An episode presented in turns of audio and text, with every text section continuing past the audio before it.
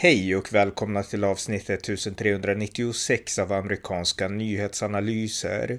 En konservativ podcast med mig, Ronny Berggren, som kan stödjas på swishnummer 070-30 28 95 0. I detta avsnitt följer en uppdatering om situationen i Afghanistan med fokus på den konservativa radioprataren Glenn Becks otroliga insats för att rädda den afghanska ungdomsfotbollens damlandslag från att falla i talibanernas händer. Varmt välkomna! Ja, jag tänkte uppdatera lite om det senaste som händer i Afghanistan och det första som kan vara värt att nämnas det är att Afghanistan har präglats av ett antal bombdåd. Alla minns ju bombdådet i Kabul på flygplatsen när en självmordsbomber från ISIS-K dödade 13 amerikanska soldater, mängder av civila och också ett antal talibaner. Och ISIS-K, Islamiska staten i Afghanistan, de är ju rivaler till talibanerna. Eh, I motsats till al-Qaida, som också är en terroristgrupp som använder precis samma metoder som Islamiska staten i Afghanistan gör, så är al-Qaida allierade med talibanerna. ISIS-K är rivaler och ofta så är det besvikna talibaner som anslutit sig till ISIS-K och eh, nu begår de självmordsdåd och eh, de utför bombdåd och överfall mot talibanerna i Afghanistan och eh, många civila dör ju också.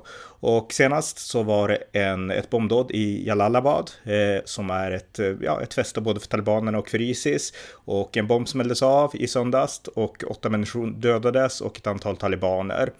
Och eh, den här rivaliteten har funnits eh, ett tag mellan talibanerna och Islamiska staten.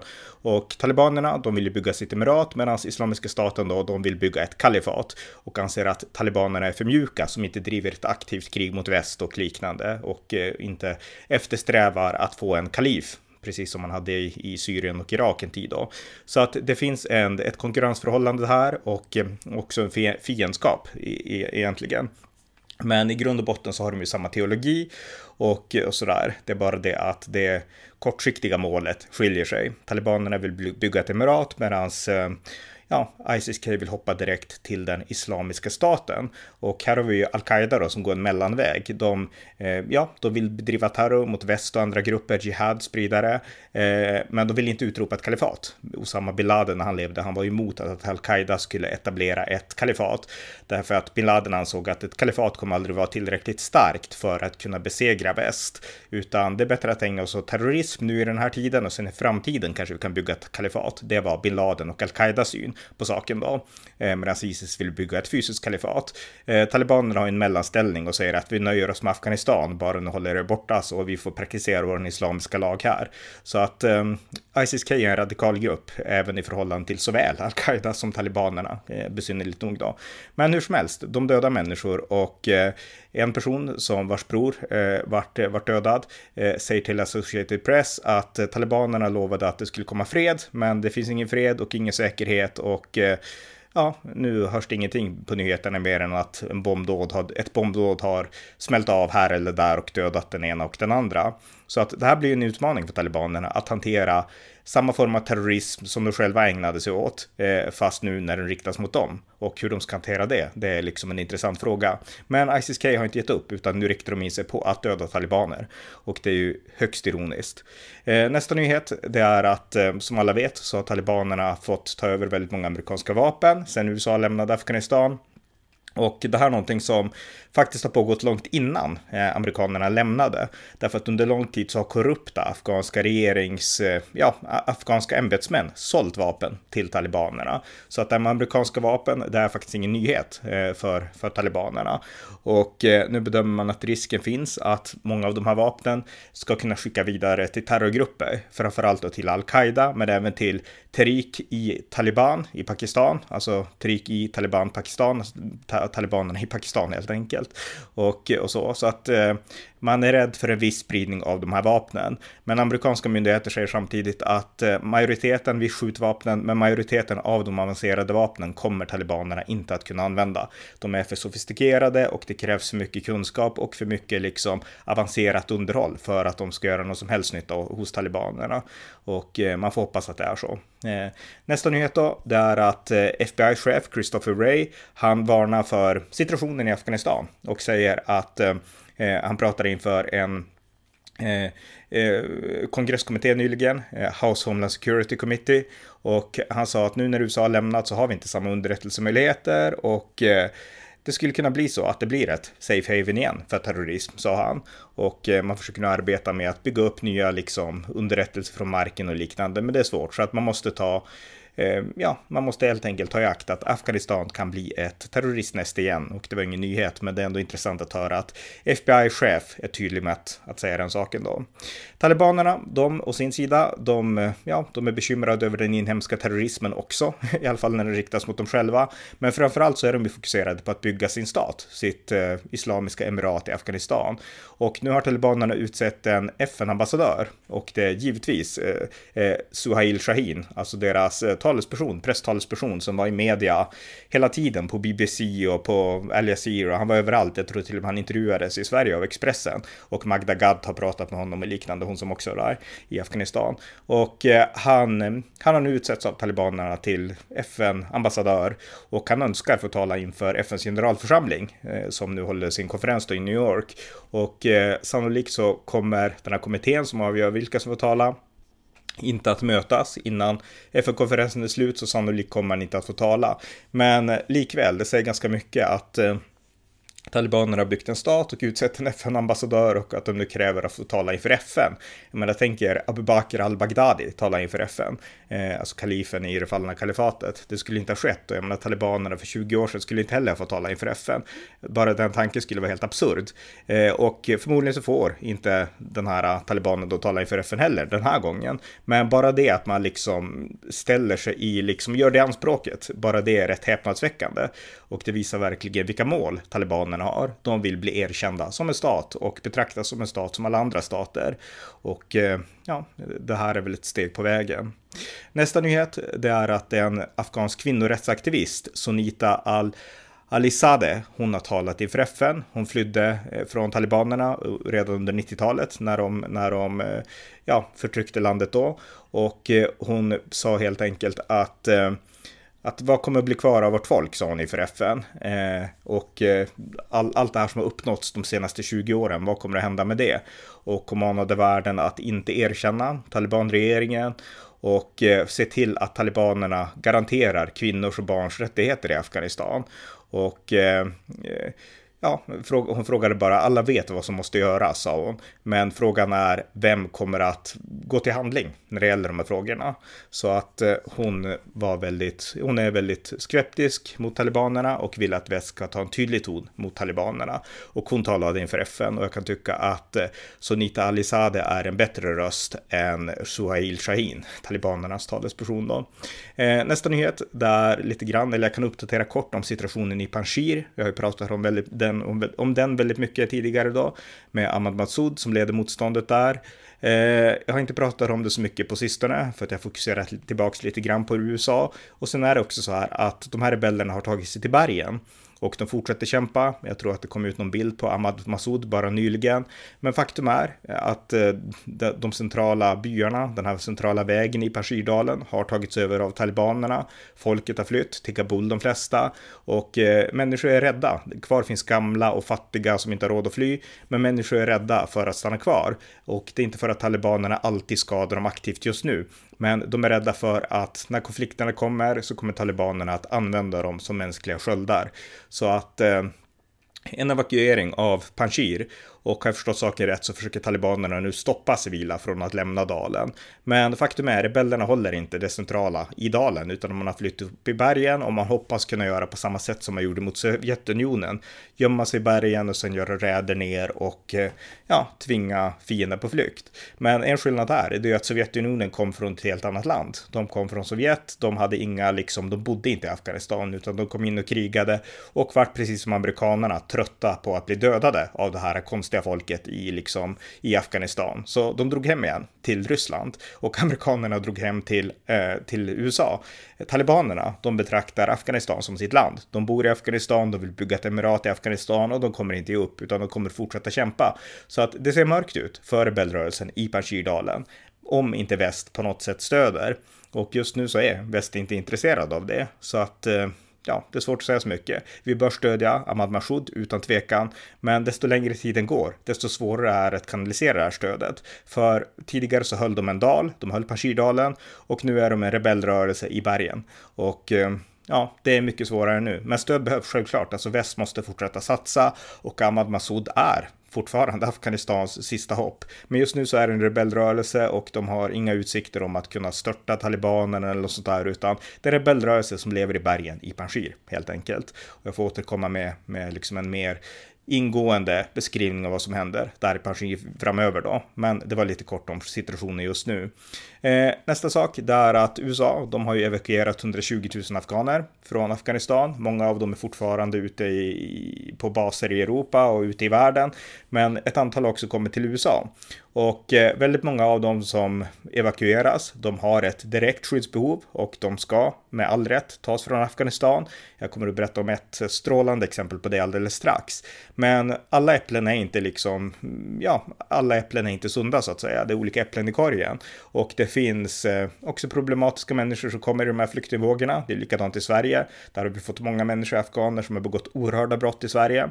Och nu är det två afghaner som åtalas i Wisconsin för våld och sexuella övergrepp. Eh, den ena heter Barula Nouri, han är 20 år gammal och han eh, åtalas nu för att ha haft sex med minderårig och för att eh, eh, ha försökt, eh, försökt på att ha sex med en annan minderårig. Och eh, ja, han har gjort det här i, i, USA och de har väldigt hårda lagar. Så att om han fälls för det här kommer han att få minst 30 års fängelse och kanske livstidsfängelse. En annan man som heter Mohammad Harun Imad, han är 32 år gammal och han kom också till USA ganska nyligen då. Han eh, åtalas nu för att ha strypt, försökt strypa sin fru. Och eh, han eh, ja, hon fick slutsyra och sådana saker och han eh, riskerar också få ett långt fängelsestraff upp till, eh, tre, eh, upp till 15 år eller något sånt där. Så att, eh, ja, de två sakerna har hänt och jag tycker att det är bra att USA markerar hårt här, därför att USA har tagit emot eh, ja, ungefär 60 000 av de här som man har evakuerat har kommit till USA, 60 000 afghaner. Och de kommer spridas ut i USA och eh, på vissa håll kommer det fungera och på andra håll så kommer lokalsamhällen att få problem. Tyvärr är det så. Eh, och därför är det väldigt bra att USA markerar hårt när några av de här begår brott. Sverige gör ju inte alls det. Jag menar, ta de här IS-kvinnorna som nu har kommit hit. Vi har bara släppt ut dem på gatan ungefär. Så att eh, det är bra att USA gör den här markeringen. Eh, så att för ska man ta emot flyktingar så måste de anpassa sig efter landets lagar och regler. Men nästa nyhet då, som är den sista nyheten, det är lite mer om solskenshistoria. Därför att jag anser att väst har en plikt nu att hjälpa Afghanistan och hjälpa alla som har hjälpt väst i Afghanistan. Afghanistan. Eh, det var vi som övergav Afghanistan och lät Afghanistan falla som ett korthus i talibanernas händer. Det går inte att skylla helt på den afghanska regeringen faktiskt. Eh, och eh, vi har en skyldighet och en förpliktelse att hjälpa de oskyldiga. Och en person som har gjort det och satsat mycket på det, det är den konservativa radioprataren Glenn Beck i USA. Många av er som lyssnar på min podd vet garanterat vem Glenn Beck är. Han är väl vår tids Rush Limbaugh då, e-, egentligen. Inte lika stor såklart, men ändå han har en viktig röst bland den konservativa rörelsen i USA. Och han har arbetat tillsammans med eh, Delivery Fund, en organisation i USA eh, som grundades i Texas tror jag, som arbetar mot trafficking och en eh, annan eh, organisation som heter The Nazarene Fund, en kristen organisation som också motarbetar trafficking och framförallt hjälper kristna utsatta i, i, liksom, i, i länder i världen där kristna förföljs. Och eh, den här organisationen har nu arbetat, eller de här organisationerna rättare sagt, har nu arbetat i mer än en månads tid för att hjälpa Afghanistans juniorerna, damlandslag, juniorlandslaget, damernas i fotboll, att fly från Afghanistan. Och eh, det är därför att de här eh, som ändå är relativt offentliga personer och flickor och ganska unga, de står definitivt på, som Glenn Beck uttryckte saken, talibanernas våldtäktslistor. De skulle kunna bli tillfångatagna, tvångsbortgifta och deras liv skulle vara över i praktiken. Så att eh, de här organisationerna har engagerat sig djupt för att hjälpa de här flickorna och Eh, Glenn Beck har samlat in pengar till dem och sen har han gjort en sak till också som är väldigt stor. Men han har samlat in pengar till de här organisationerna och de har ordnat eh, eh, skyddshem i Kabul och i Afghanistan för de här flickorna. Tanken var först att man skulle ta ut dem från Kabuls flygplats. Sen när det här självmordsdådet hände så ändrades allt. Det blev helt omöjligt att få dem dit till de amerikanska flygplanen. Så att man gömde dem i olika hus, man flyttade runt dem i olika hem och tog dem ut ur Kabul. Och eh, man förde dem så småningom till, eh, eh till eh, Eh, till en annan flygplats eh, i, i norra Afghanistan. Jag håller på att leta, jag googlar här vilken flygplats det var, jag hade det i huvudet. Men det som hände i alla fall, det var att man, man smugglade dem vidare i alla fall och höll dem gömda och de här organisationerna, de höll kontakt med flickorna och med deras familjer via internet och de pratade med dem och det var en person som coachade dem och tröstade dem, för det här var unga flickor i 14 till 16 års åldern och sa att det här kommer att gå bra och liksom var med dem hela vägen online och via telefon och sådär. Och eh, det som sen hände och det Glenn Beck gjorde, det var att man insåg att hur ska vi få dem ut ur Afghanistan? Och eh, en tanke, det var att smuggla dem via vägar, men man bedömde att det är för osäkert att göra det. De kan hamna i händerna på människosmugglare, talibanerna kan få tag på dem, vad som helst kan hända. Så det säkraste sättet är ett flygplan. Och hur ska man kunna komma från Afghanistan med ett flygplan? Ett land som nu kontrolleras av talibanerna, när man inte kan åka via liksom de här nödplanen från Kabul som, som avtog. Jo, eh, man måste åka från en annan flygplats, men talibanerna kontrollerar allt. Och Glenn Beck fick en idé. Jag skriver ett brev till, Af till Pakistans premiärminister. Och eh, det gjorde han. Och eh, jag ska googla på vad han heter. Eh, så ja, precis. Pakistans eh, premiärminister Imran Khan heter han. Eh, och Glenn Beck skrev brev till honom och skrev att jag är kristen och jag arbetar för mänsklighetens bästa och jag skriver respekt för, för dig och för din tro och liknande. Och sen berättade han om de här flickorna från Afghanistan som hans eller som de här organisationerna som han samarbetade med ville ta ut från Afghanistan och sa att kan du hjälpa oss med det här? Och Dan Crenshaw, den här kongressmannen från Texas med en lapp för ett öga, republikanen, han tog också kontakt med en pakistansk general eh, och eh, skrev brev till honom. Och eh, Imran Khan, premiärministern, svarade på Glenn Becks brev och sa att ja, vi kommer hjälpa till med det här. Och du ska förstå att islam är en humani humanitetens religion och liknande, så väldigt respektfullt mot liksom kristendomen och liknande utifrån Imran Khans, Khans muslimska perspektiv. Så att han öppnade upp helt enkelt och kontaktade talibanerna och sa att ni måste låta det här flygplanet lämna och eh, åka från Afghanistan med de här flickorna. Och talibanerna lydde såklart, därför att talibanerna har liksom stor respekt för Pakistan. Pakistan är en del av den talibanska rörelsen. Och eh, de kunde flyga till Pakistan, de här flickorna. Eh, sen var tanken att de skulle tas vidare. Eh, USA hade en plan också, och jag vet inte vilken ordning, eller rättare sagt Glenn Beck och de här organisationerna, för det var in, verkligen inte det amerikanska State Department. Men de hade en plan också på att flyga de här äh, flickorna till Uzbekistan. Målet var att få dem till väst, där de skulle kunna vara fria.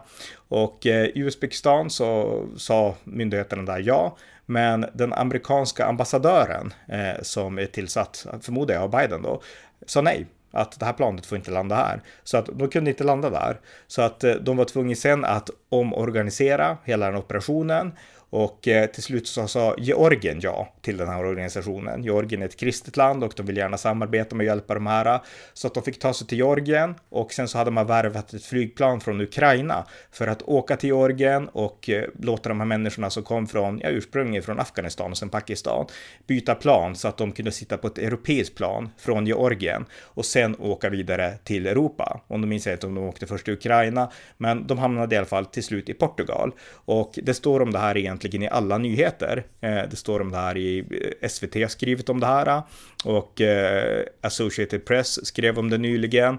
Eh, att, att det här kvinnliga laget nu var, de här unga flickorna var i Portugal och de kunde inte tro att det var sant att de lyckades komma ut från Afghanistan och eh, de drömde om att få träffa liksom kända fotbollsspelare i Portugal och de ville fortsätta bli proffsspelare sa de då. Eh, jag tror att de, tror att de hade en tolk också som hjälpte dem då att, att, att förstå. Många kan engelska nu, afghaner, men absolut inte alla. Eh, eh, men det som inte rapporteras här då, det är Glenn Becks insats och de här kristna organisationerna och det var flygplatsen som de kom till, det var Masari Sharif Reefs flygplats förresten. Det var därifrån de, de flög sen vidare då. Eh, och eh, till, till Pakistan och sen så vidare till, till, eh, till de här länderna som jag nämnde, Georgien och, och så vidare. Och Lembeck, han berättar om det här i detalj. Jag försöker bara sammanfatta det jag minns att han har sagt då. Och eh, han uttryckte djup tacksamhet till eh, Pakistans premiärminister då, Imran Khan, eh, för, för hjälpen och sa att det här hade aldrig gått utan hans hjälp. Och eh, även Portugal som lovade att de kommer att få ett liksom, permanent uppehållstillstånd om ni lyckas ta dem till Portugal. För hade inte det lyckats så hade de förmodligen inte fått komma alltså kanske inte ens till Pakistan eller något annat land heller, utan det viktiga det var att kunna meddela att vi har en slutdestination, så de kommer inte att fastna i era länder. Så att eh, allt gick i lås, men det var ett långt arbete, de här organisationerna emellan. Det kostade tusen tusentals dollar per dag att hålla dem gömda på olika platser i, i Afghanistan och, och sådär, tills man lyckades då bearbeta fram det här. Men, men det är ändå intressant och eh, det amerikanska Utrikesdepartementet var helt enkelt emot dem. De samarbetade inte speciellt mycket och hjälpte inte till så mycket. Men Glenn Beck och de här organisationerna, Delivery Fund, och Nazarene Fund, har räddat Afghanistans juniordamlag i fotboll helt enkelt. Så att eh, det är en ganska stor grej tycker jag då.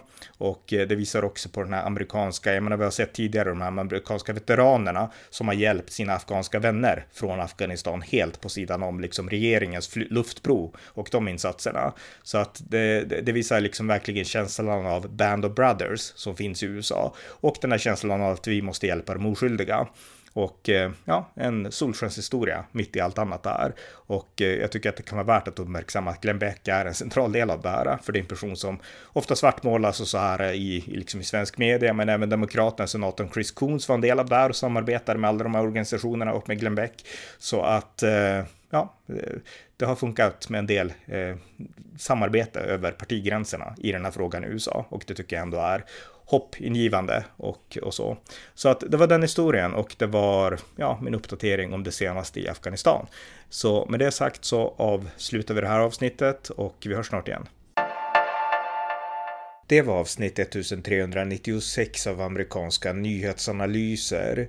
En konservativ podcast som kan stödjas på swishnummer 070-30 28 95 0 eller genom att via hemsidan stödja på Paypal, Patreon eller bankkonto. Det var allt för den här gången. Tack för att ni har lyssnat.